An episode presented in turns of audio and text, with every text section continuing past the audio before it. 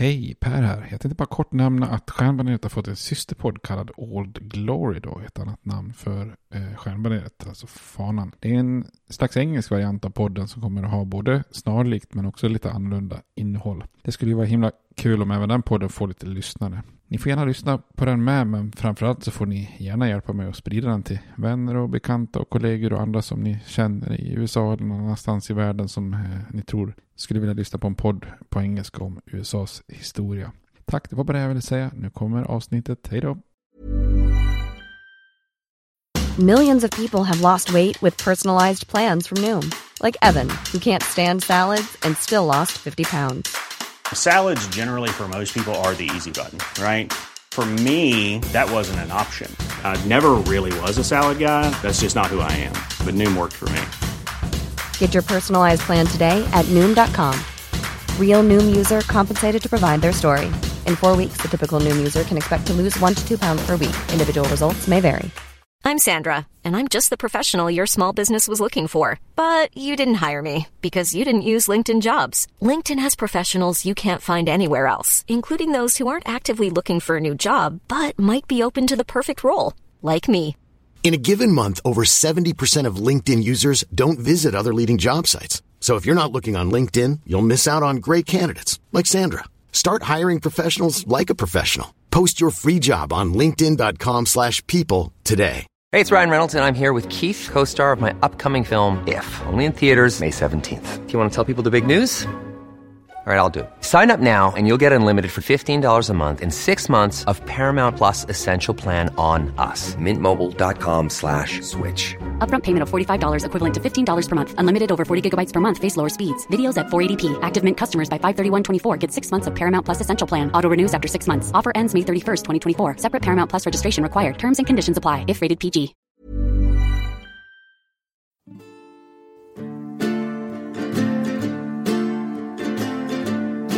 We hold these truths to be self-evident, that all men are created equal, that they are endowed by their Creator with certain unalienable rights, that among these are life, liberty, and the pursuit of happiness.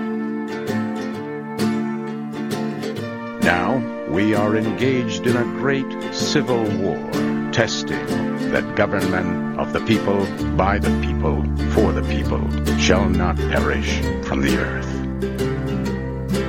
And so, my fellow Americans, ask not what your country can do for you, ask what you can do for your country. I have a dream my four little children will one day live in a nation where they will not be judged by the color of their skin, but by the content of their character. Mr. Gorbachev, tear down this wall. I did not have sexual relations with that woman, Miss Lewinsky. Hej och välkomna till Stjärnbaneret, en podcast om USAs historia med mig Per Fjärdingby. Där jag tänkte fortsätta serien om afroamerikanska medborgerliga rättigheter. Eh, där vi är mitt uppe i eh, egentligen kulmen av, eh, kommer vi in på idag, utav den här kampen. Och tittar man tillbaka till vi de senaste avsnitten avklarat slutet på 50-talet. Eh, och där när vi kommer in på slutet på 50-talet så börjar en hel del afroamerikaner misströsta lite grann. Och det kanske inte så undra på då. Trots den här domen i Brown-fallet eh, och den så kallade Brown 2-domen då, där man pratar om implementeringen av Brown-domen och trots att federala trupper involverats i Little Rock i Arkansas som vi såg i förra avsnittet så var det mindre än 1% av afroamerikanska studenter som var inskrivna i integrerade skolor när ett nytt decennium inleddes 1960 då. På uppmaningen av Eisenhowers administration så försökte kongressen ta ett steg i riktning mot att eh, avsluta rasdiskrimineringen när man 1957 antog en Civil Rights Act. Eh, som egentligen var den första medborgerliga lagstiftningen sedan rekonstruktionen. Eh, och då liberaler i senaten lyckades då för första gången på väldigt, väldigt, väldigt länge eh, stoppa då en så kallad filibuster från Söderns senatorer. Eh, som på den här tiden gick till så att man bara pratar tills, tills frågan inte kommer till omröstning så att säga. Men ledamöterna från Södern lyckas ändå driva igenom så pass mycket tillägg och förändringar av det här lagstiftningsförslaget att det ändå blev väldigt urvattnat och, mest eh, symboliskt. Då. Så det är få afroamerikaner som trodde på allvar att Eisenhower-administrationen skulle utnyttja de möjligheter som den här lagen eh, gav eh, för att då övervaka svartas rättigheter som rösträtt i södern och så vidare. Under åren 1956 till 60 så minskade till och med andelen svarta som röstade i södern. Eh, och de lokala myndigheterna i de här staterna fortsatte att med hot och våld och fusk hindra svarta från att ens registrera sig som väljare. Då. Så faktum är ju att de här framgångarna med domen i Brownfallet 1954 och, fram till 1960 var ju väldigt få. Eh, de finns ju liksom med en röd tråd sen när man kopplar ihop det med det som hände på 60-talet. Men just där och då så var var framgångarna ganska få. Då. Vi har ju då bussbojkotten i Montgomery och det här Little Rock 9 som då var två isolerade ljuspunkter. Eh, vi har det här mordet på Emmett Till som vi pratade om som skapar uppmärksamhet. Men det här drivet som, som liksom sakta hade byggts upp under 40-talet såg liksom nästan ut att ha tappat fart i slutet på 50-talet. Men väldigt kort efter att klockorna ringt in 1960 eh, och ett nytt decennium så händer något som skjuter fart på det hela. Och det är det jag tänkte vi skulle prata om idag.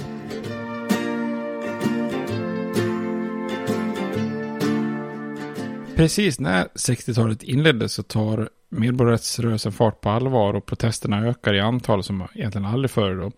Och det alldeles fantastiska egentligen med det här är att det är fyra studenter i Greensboro som mer eller mindre spontant väljer att bara sätta sig ner i en restaurang eh, där enbart vita får serveras och sitter kvar där en hel dag. De genomför alltså en så kallad sit-in, alltså en slags, eh, ska man säga, sittstrejk blir ju kanske närmsta man kan säga på svenska då. Och det här blir ju då en gnista som tänder en eld över hela södern. Och det är ett intressant fenomen värt att reflektera över. Alltså människor som med väldigt stort mod vågar ta initiativet och förändra sina liv och ett land hans historia. Att det som på liksom allvar sätter fart på medborgarrättsrörelsen och kampen igen, det faktiskt inte är ett initiativ från administrationen eller staten eller politiker eller de kända afroamerikanska ledarna som Martin Luther King och så vidare. Utan det som tänder gnistan är då collegestudenter i södern och det är ju en grupp som tidigare fått stå emot ganska mycket kritik från till exempel W.B. Du Bois eh, för att varit, han tycker de har varit lite apatiska och liksom mer jagat materiell framgång än eh, liksom rättigheter för sitt folk så att säga. Men nu är det de här studenterna som på en slags gräsrotsnivå utan organisation,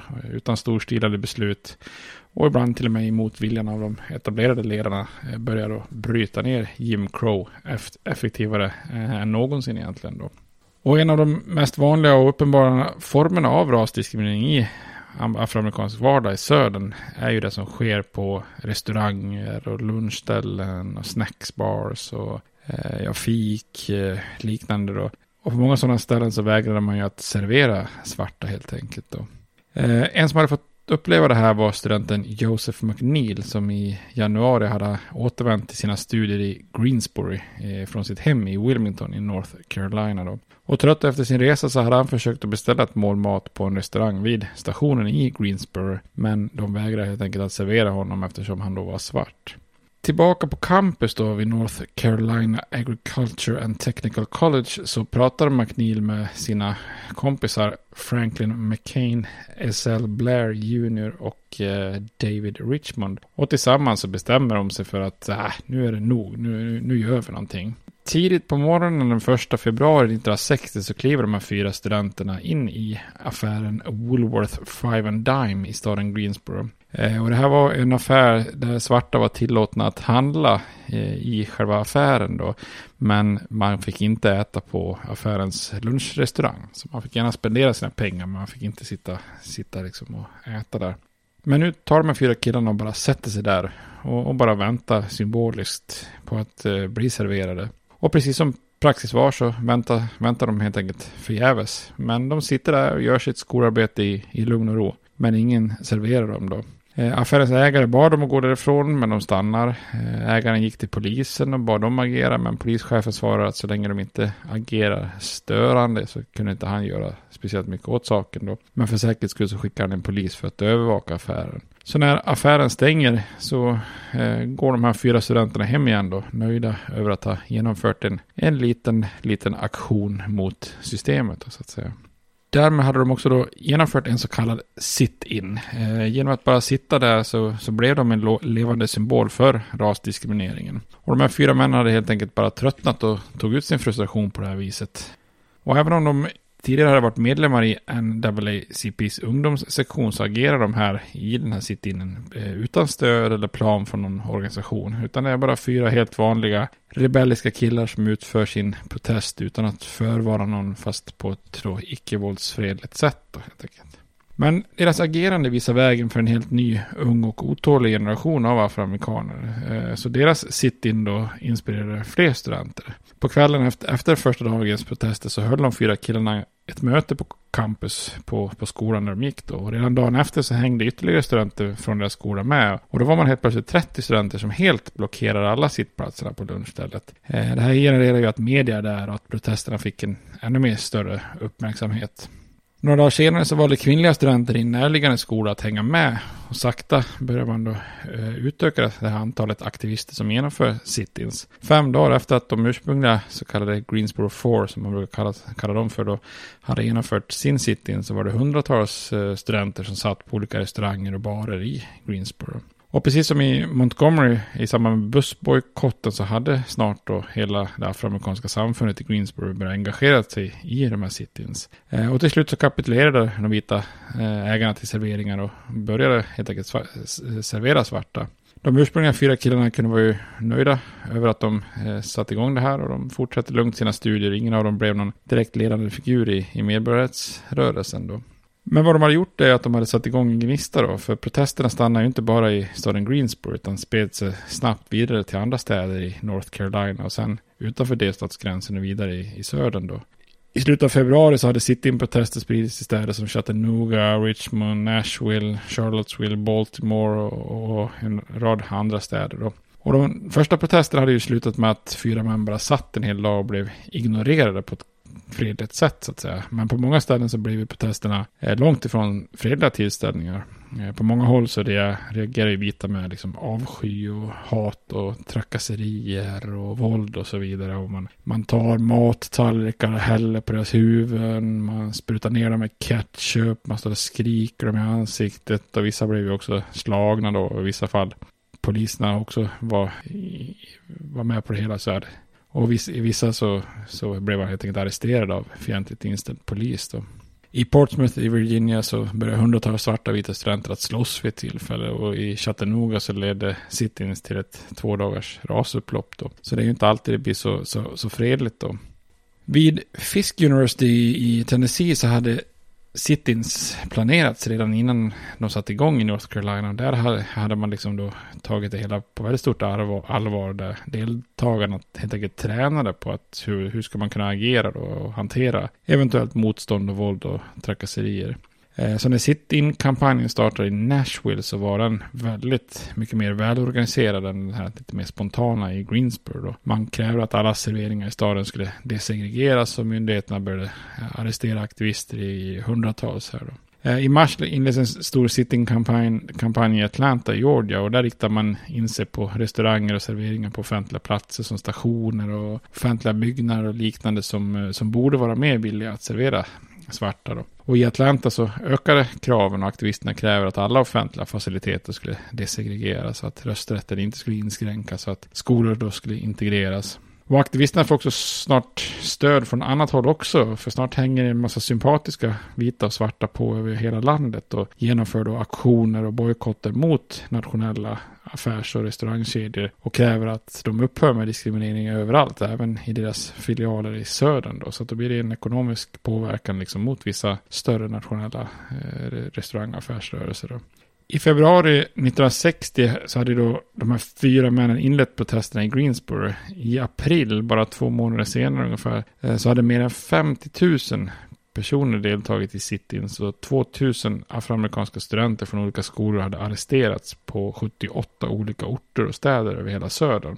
Eh, de som sympatiserar med protesterna hjälpte till genom att ekonomiskt bojkotta affärerna och när affärerna snabbt började tappa intäkter så var de ju villiga att sluta diskriminera och i över 80 städer så desegregerades lunchrestauranger som en följd. Så här har alltså en massrörelse inletts på eh, gräsrotsnivå då. Det var ju inte en ny metod. Vi har redan pratat om sit-ins. För den här organisationen CORE hade ju arrangerat sit-ins redan på 40-talet i flera städer i, nordstaterna. Eh, men den här gången så fick de här aktionerna mer liksom genomslagskraft. Både för att det handlade om unga studenter och, och, och för att de skedde i södern. Men framförallt för att de här protesterna uppmärksammas i media och, och framförallt skapar då tv-bilder. Och tv var ju relativt nytt här 1960 så att, att rapportera från sit-ins med bilder var en av de allra första nyheterna som följdes över, över tid hos flera nyhetskanaler. Och att se röda bilder på protester var ju någonting annat, helt annat än att läsa om det då. Och den här kontrasten mellan välklädda och till synes lugna afroamerikanska studenter som trakasseras och häcklas av hatiska vita arbetarklassmän som skrek och svordomar och slogs och sprutade ketchup på dem och så vidare. Skapar liksom en bild där många i övriga landet kände en ganska stor sympati för de här svarta studenterna. Eh, NBC då, kanalen, gjorde till och med en dokumentär om Cityns. Så till och med president Eisenhower som tidigare varit oerhört försiktig eh, avböjde att kritisera Cityn som menar att de här studenterna i grund och botten bara utövar sina fundamentala liksom, amerikanska rättigheter. Då.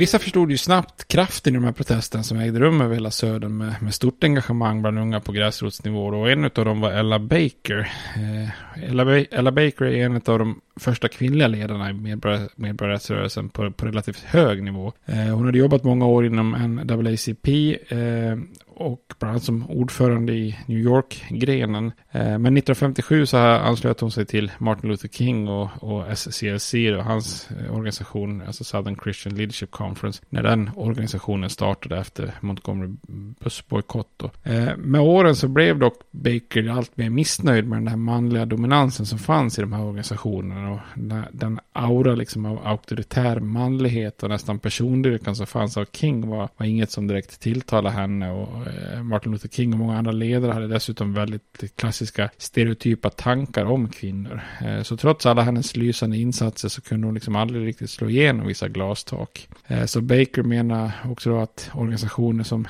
NAACP och SCLC fokuserar för mycket också på medelklassen och isolerade sig från liksom den stora massan av afroamerikaner på gräsrotsnivå och att det då tycker hon hindrar medborgarrättsrörelsen i stort. Så när Ella Baker ser kraften i alla de här sit-in-protesterna så förstod hon att direkta aktioner som sit-ins och liknande, det är, det är framtiden för medborgarrättskampen. Men hon befarar också att kraften förr eller senare skulle gå ur protesterna om de inte organiserades bättre. Så hon kallar därför till en konferens för studenterna i Atlanta för att diskutera hur man kan jobba vidare. Och hennes skeptiska hållning gentemot de etablerade organisationerna, det är ju också något som hon delade med studenterna, så det var ganska lätt att, att tilltala dem då. Så i, i april 1960 så samlas studentrepresentanter för över 50 colleges och high schools från 13 olika delstater och planerar för hur rörelsen ska fortsätta. Och den 55-åriga veteranen i jämförelse då, Baker, uppmanar då studenterna att höja blicken och inse att deras mål var, som hon sa, more than a hamburger i ett känt tal. Alltså att det handlar om ett slut på segregering och diskriminering på alla områden, inte bara att göra sit-ins på, på restauranger. Då. Tillsammans så bildar man då en ny organisation eh, som blir väldigt viktig för medborgarrättsrörelsen eh, som kallas då för Student Non-Violent Coordinating Committee. Eh, alltså förkortat SNCC men som man oftast bara säger SNIC då.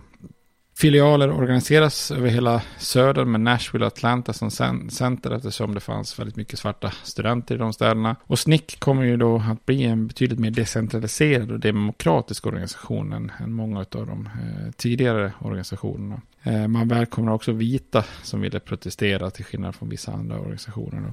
Och även om SNIC var ytterligare en organisation som förespråkar icke-våldsprotester som då hörs på, på namnet, alltså non-violent, eh, så skulle SNIC med sin ungdomliga entusiasm bli, eh, ja, som man säger, lite mer radikal och lite mer konfrontativ än, än till exempel eh, SCLC och CORE och de andra. Då. Och genom sina direkta aktioner och sit-ins och liknande så konfronterar man verkligen rasrelationerna och liksom petar där det, där det känns eh, i det vita södern. Det innebar ju också att man gav sig in i delar av samhället som var känsligt hos de vita maktstrukturerna i södern och störde ordningen. Och det gör ju också lite grann att man hamnar i, vad ska man säga, frontledet och, och blir de som väldigt ofta utsätts för, utsätts för våld och arresteras. Snick kommer ju då att organisera både sit-ins och så kallade freedom rides och rösträttsregistreringskampanjer och andra sådana direktaktioner. Då. Och de unga aktivisterna i Snick följde en princip om jail no bail som man sa då. Alltså att man vägrar betala borgen ifall man arresteras. Och i många av deras aktioner går just ut på att faktiskt nästan arresteras då. Alltså att man försöker helt enkelt fylla fängelserna eh, i, till sån grad liksom att myndigheterna slutar att arrestera protesterande studenter och att man helt enkelt inte klarar av det. Man överbelastar systemet så att säga. Strategin och hållningssättet gjorde att många av de äldre, mer försiktiga organisationerna skulle få svårt att komma överens med SNIC.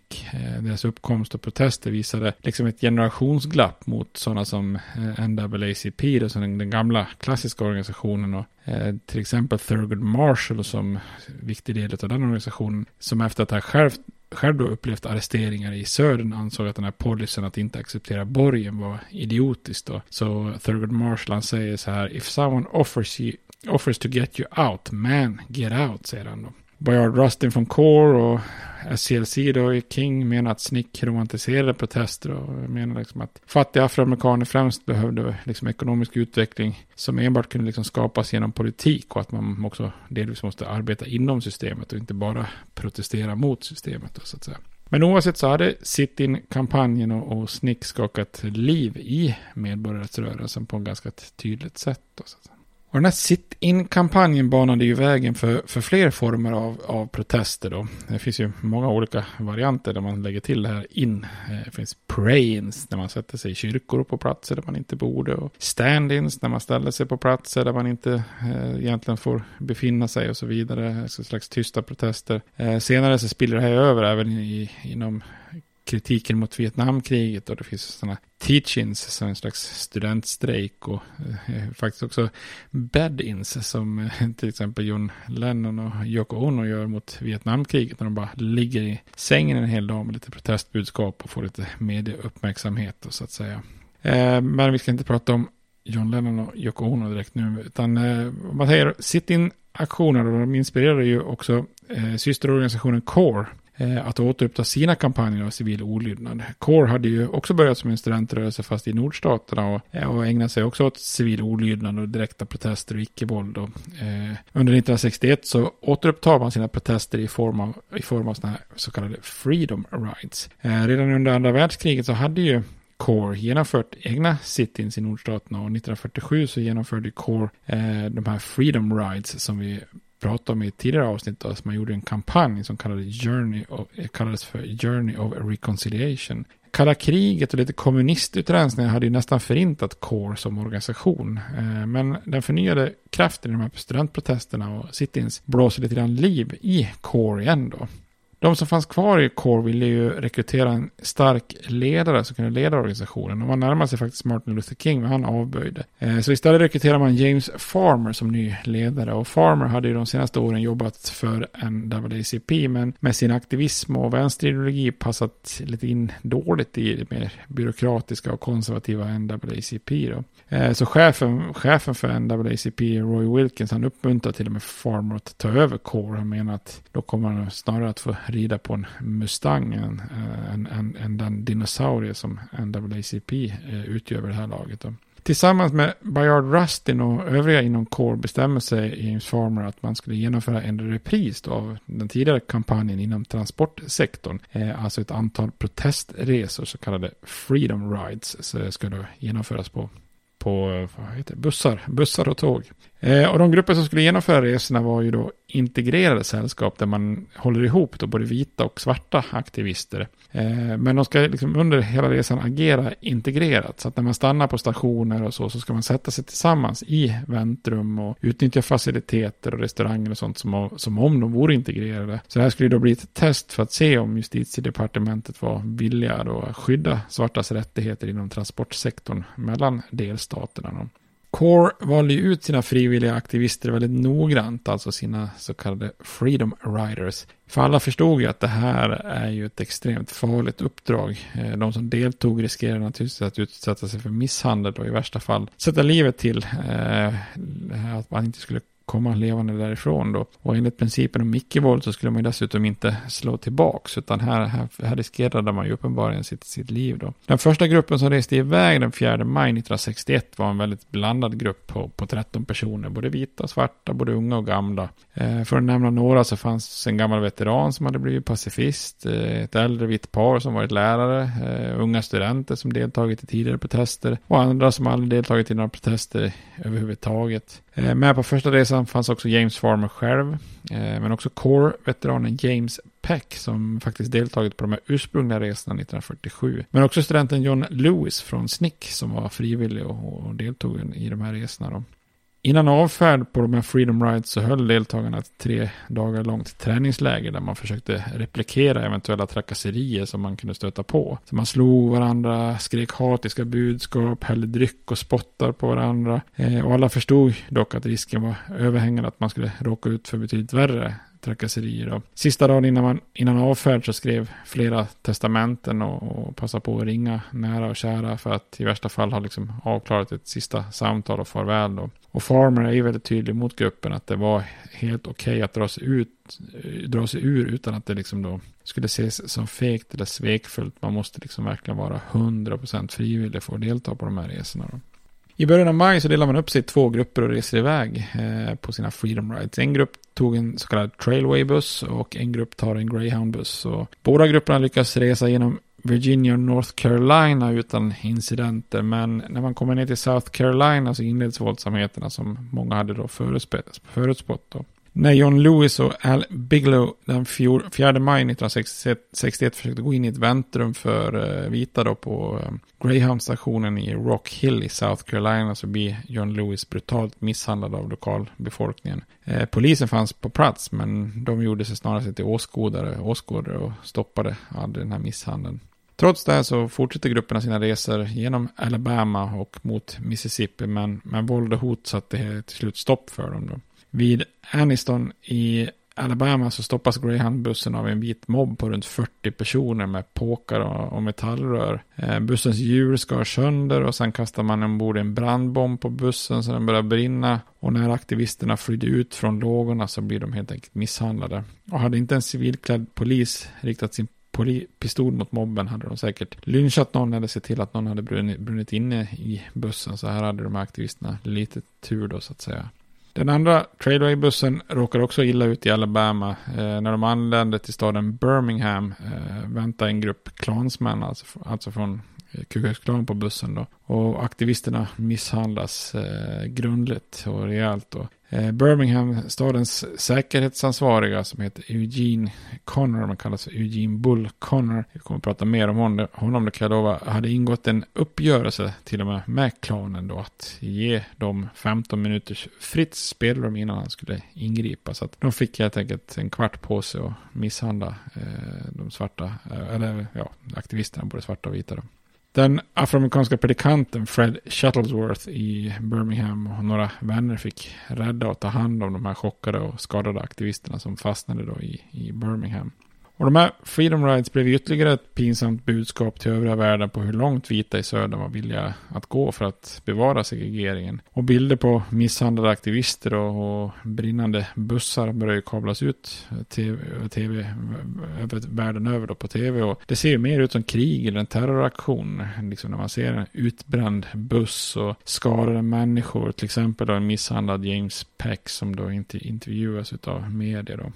Och FBI, FBI hade ju koll på de här Freedom Rides och planerna i den djupa södern eh, att stoppa bussarna med våld. Men direktören för FBI, J. Edgar Hoover, han var ju en tvättäkta rasist som snarare såg core-aktivisterna som skurken. Så han meddelade helt enkelt aldrig justitiedepartementet och justitieministern Robert Kennedy eh, om vad som var på väg att, att ske. Då. Och eftersom polisen inte visar, visar någon som helst vilja att skydda aktivisterna och, och med tanke på det brutala våld man mötte så, så väljer Core att avbryta insatsen. Det var dessutom väldigt svårt att ens få tag på chaufförer och bussar som vågade köra aktivisterna. Så att, och det kan man ju också förstå så att säga om bussen blir attackerad med brandbomber och, och så så kanske man inte är sådär jättesugen på att köra bussen.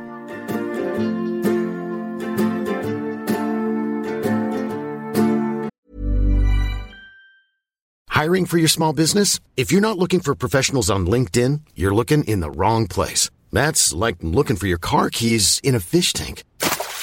LinkedIn helps you hire professionals you can't find anywhere else, even those who aren't actively searching for a new job but might be open to the perfect role. In a given month, over 70% of LinkedIn users don't even visit other leading job sites. So start looking in the right place. With LinkedIn, you can hire professionals like a professional. Post your free job on linkedin.com slash people today. Hey, it's Ryan Reynolds, and I'm here with Keith, co-star of my upcoming film, If, only in theaters May 17th. Do you want to tell people the big news? All right, I'll do. Sign up now and you'll get unlimited for $15 a month in six months of Paramount Plus Essential Plan on us. Mintmobile.com slash switch. Upfront payment of $45 equivalent to $15 per month. Unlimited over 40 gigabytes per month. Face lower speeds. Videos at 480p. Active Mint customers by 531.24 get six months of Paramount Plus Essential Plan. Auto renews after six months. Offer ends May 31st, 2024. Separate Paramount Plus registration required. Terms and conditions apply if rated PG.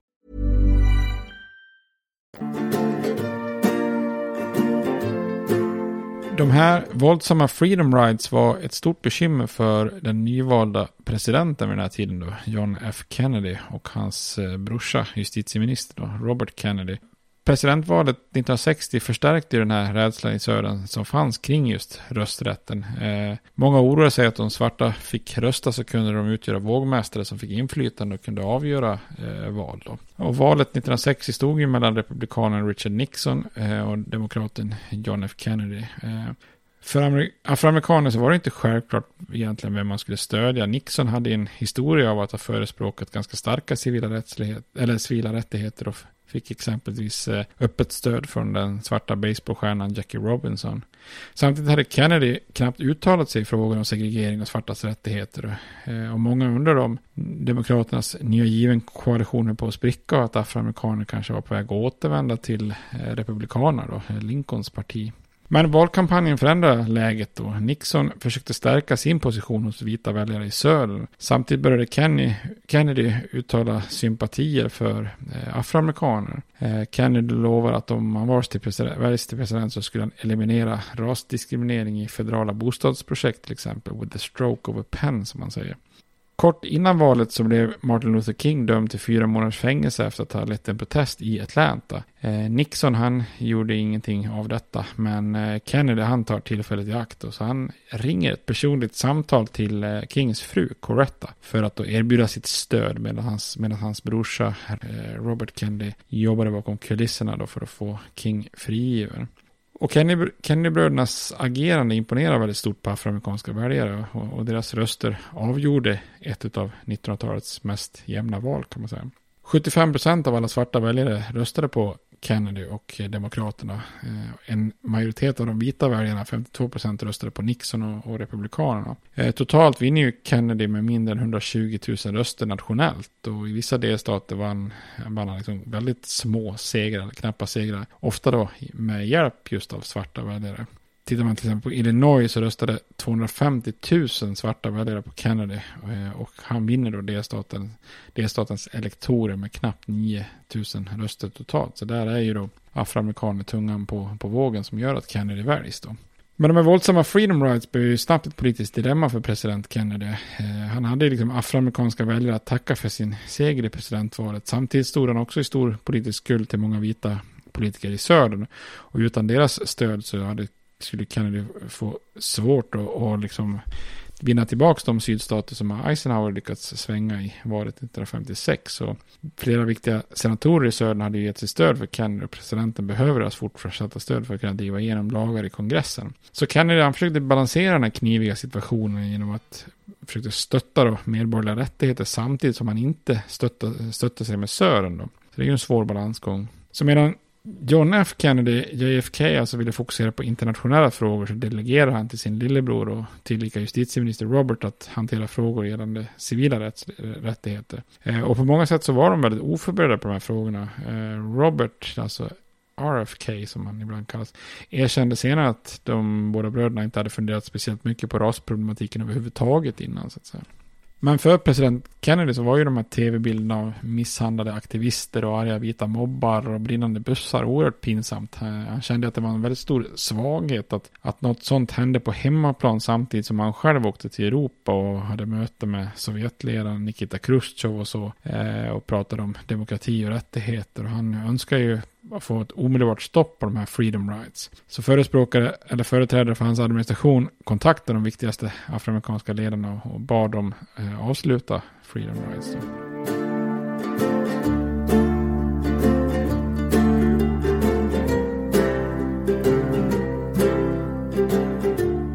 Den goda nyheten för Kennedy var ju att Core, eh, som sagt, som jag nämnde innan, redan bestämt sig för att avbryta sina resor efter allt våld, våld som kulminerat i Alabama. Den dåliga nyheten var ju då att de lite mer radikala studentaktivisterna i SNIC de vägrade låta protesten med Freedom Rights dö ut. Eh, så aktivisterna från SNCC i Nashville under ledningen av Diane Nash reser ner till Birmingham och tillsammans med den enda tidigare representanten från SNCC, John Lewis, eh, var man fast beslutna om att fortsätta resan från Birmingham till delstatshuvudstaden Montgomery. Så tolv frivilliga ställde upp, samtliga väldigt unga. Tio afroamerikanska collegestudenter och två vita som var 21 år. Då. Både Kennedy-administrationen och äldre afroamerikanska ledare försöker avråda dem från att genomföra den här Freedom Ride. Eh, men aktivisterna i SNCC de vägrar att ge sig. Eh, Diane Nash, då som var ansvarig, fick ett direkt telefonsamtal från vice justitieministern eh, John Seigenthaler som varnar henne att eh, studenterna helt enkelt riskerar sina liv. Eh, hon svarar bara att det var de medvetna om. Eh, men att det också fanns fler studenter som är villiga att fortsätta kampen oavsett. Nash säger helt enkelt att they knew that this was something they, that they must do because freedom was worth it. Så här eh, är de medvetna om att de gör det här med livet som insats. När snickaktivisterna från Tennessee anlände till Birmingham i Alabama så blev de ganska snabbt arresterade av Eugene Bull Connors polis. Då. Eh, Connor hade ju blivit kritiserad för, att, för sitt tidigare agerande där han hade låtit klansmedlemmar misshandla aktivister och han tänkte inte ordna en repris på det där men han tänkte heller inte ge aktivisterna fritt spelrum. Så han ledde personligen en polisstyrka som förde aktivisterna till delstatsgränsen och liksom dumpade dem mitt ute ingenstans innanför gränsen till Tennessee. Så han bara körde dem rätt ut ur delstaten så att säga. Men de här snickstudenterna var en envis grupp då. Efter att ha fått lite mat och husrum från lokalbefolkningen så återvände de till Birmingham bestämda om att faktiskt ta en buss till Montgomery. Man lyckas till och med rekrytera ytterligare ett antal aktivister, bland annat två vita 18-åriga kvinnliga studenter till, till den här gruppen. Då. När John och Robert Kennedy insåg att de inte kunde stoppa eh, den här Freedom Ride från att genomföras så ville man säkerställa att det gick fredligt till att det inte skapade några, spek någon spektakulär uppmärksamhet. Då. Så eh, Robert Kennedy övertalade Greyhound-bolaget att köra dem i en buss till Montgomery och fick guvernören John Pattersons löfte att studenterna inte skulle råka ut för våld. Då. Guvernör Pattersons löfte var emellertid inte värt eh, vatten. Eh, I Montgomery så väntar en vit mobb på mer än tusen personer med baseballträn, kedjor, järnrör och andra tillhyggen. Samtidigt så var det inte en polisman så långt ögat nådde. Så när bussen anlände så skallar den här mobben Get them niggers. Eh, och det är lite svårt egentligen att föreställa sig hur, hur fruktansvärt det måste ha varit att sitta på den bussen. Alltså vilken, vilken rädsla och vilken, vilken skräck liksom när det står tusentals med folk som bara är ute efter och, och helst vill slå ihjäl den. Liksom. Samtliga aktivister, svarta som vita, misshandlas så kraftigt att de fick föras till sjukhus. Då. Eh, John Lewis till exempel slogs eh, medvetslös. Då. Till och med faktiskt vice justitieminister Seigenthaler som hade skickats till Montgomery av Kennedy-administrationen som obs observatör skadas även han i detta då. Han försöker ingripa och rädda en av de här 18-åriga vita studenttjejerna när någon slår honom bakifrån med ett järnrör så att han slogs medvetslös då. När polisen till slut anlände så blev det också dessvärre det mest en social tillställning med mobben då. Så återigen så kablas då bilder av misshandlade aktivister och brinnande bussar ut på tv världen över. Och bröderna Kennedy förstod att man måste få ett slut på det här våldet. Justitieminister Robert Kennedy skickar 400 federala poliser för att skapa lag och ordning då. Situationen i Montgomery hade inte alls gått som Kennedy-bröderna hoppas på och det såg ut att bli ännu värre då. Den 21 maj så arrangerar predikanterna då Martin Luther King, Ralph Abernathy och eh, Fred Shuttleworth ett stormöte på 1200 personer för att hylla aktivisterna då i Abernathys First Baptist Church. Och de federala poliserna valde att omringa kyrkan för att liksom hindra dem från att protestera. Men istället så anlände en arg vit mobb och omringar kyrkan. Eh, och de få federala poliserna som fanns på plats hade inte en chans att skingra dem. Så många i kyrkan trodde att mobben skulle storma förbi poliserna och, och bränna kyrkan och bränna inne dem då. Så de sitter där inne och, och fruktar för sina liv då. Men Robert Kennedy han sätter till slut som press på guvernör Patterson att han kallar ut då Alabamas nationalgarde för att bringa ordning på, på situationen då. När Snick fortsatte sin Freedom Ride från Montgomery till Jackson i Mississippi så jobbade Kennedy-bröderna återigen hårt för att förhindra mer våld och uppmärksamhet. Och de ingår i en uppgörelse med Mississippis guvernör Ross Barnett. Eh, om Barnett garanterade att aktivisterna skulle kunna åka till Jackson utan att det uppstod våldsamheter så lovade administrationen att inte lägga sig i om Barnett arresterar dem. Då. Den här gången så funkar uppgörelsen. När, när gruppen av Freedom Riders till slut anländer till Jackson i Mississippi så blir de omedelbart arresterade. Då. Och i slutet av sommaren hade mer än 300 aktivister i form av Freedom Riders spenderat tid, spenderat tid i Mississippis ökända fängelser. Då. Men Kanye-administrationen var ändå nöjd. Man hade undvikit fler pinsamma tv-bilder över attackerade bussar. Då. Så idag när man ser tillbaka på medborgarrörelsen så inser man vilka liksom, heroiska insatser som de här Freedom Riders eh, utför. Och, eh, de stod upp för grundläggande rättigheter och vad ska man säga, mänsklig värdighet med, verkligen med sina egna liv som insats. Och många av dem blir ju fruktansvärt misshandlade med men för livet. Och, i sin samtid var det emellertid också vissa afroamerikaner som var kluvna till deras insatser. I en undersökning 1961 så visade sig att även om de flesta afroamerikaner motsatte sig segregeringen inom transportbranschen så var det bara 24 procent av de tillfrågade som ställde sig bakom den civila olydnad och direktaktion som Freedom Riders genomförde och bara 27 procent som trodde att de här insatserna skulle bidra till att avskaffa segregeringen. Eh, men eh, deras modiga agerande lockade ju fler och på hösten 1961 så hade mer än 450 aktivister deltagit i Freedom Rides kors och tvärs över södern. Och viktigast av allt så nådde man ju också framgång. Eh, Robert Kennedy pressade den ansvariga myndigheten då, Interstate Commerce Commission, alltså ICC, att visa mer handlingskraft och verkligen implementera förbudet mot segregering inom då intrastatstransporter. Det är viktigt att det är intrastat transporter, för då är det ju en federal, stat, eh, federal fråga. Hade det bara varit transport inom en stat så är det inte en federal fråga. Eh, ICC då till exempel utfärdade nya och tydligare regler som förbjöd bussar och tåg och väntrum och stationsrestauranger och allt sånt, sånt att vara segregerade. Och i takt med att det implementerades så hade ju medborgarrörelsen fått som man ville inom den aspekten av, av eh, samhället, alltså transportsektorn då. Så under 1962 så slutar man med sina Freedom Rides då. Det är lite mission accomplished på det, på det området då på många sätt hade ju de här sit-ins och freedom rides liksom kickstartat medborgarrättsrörelsen 1960 och 61. Så att eh, medborgarrättsrörelsen hade rullat igång på allvar så att säga. Parallellt är ju också Martin Luther King Jr. i farten och eh, vad han har sysslat med tänkte jag att vi skulle kika på i de kommande avsnitten. Men tills dess så får ni ha det bra. Hej då! States like these and their terrorist allies constitute an axis of evil. And if the hippies and the yippies and the disruptors of the systems that Washington and Lincoln as presidents brought forth in this country will shut up and work within our free system of government, I will lower my voice. If the impeachment provision in the Constitution of the United States will not reach the offenses charged here, then perhaps that 18th century Constitution should be abandoned to a 20th century paper shredder. Therefore, I shall resign the presidency effective at noon tomorrow.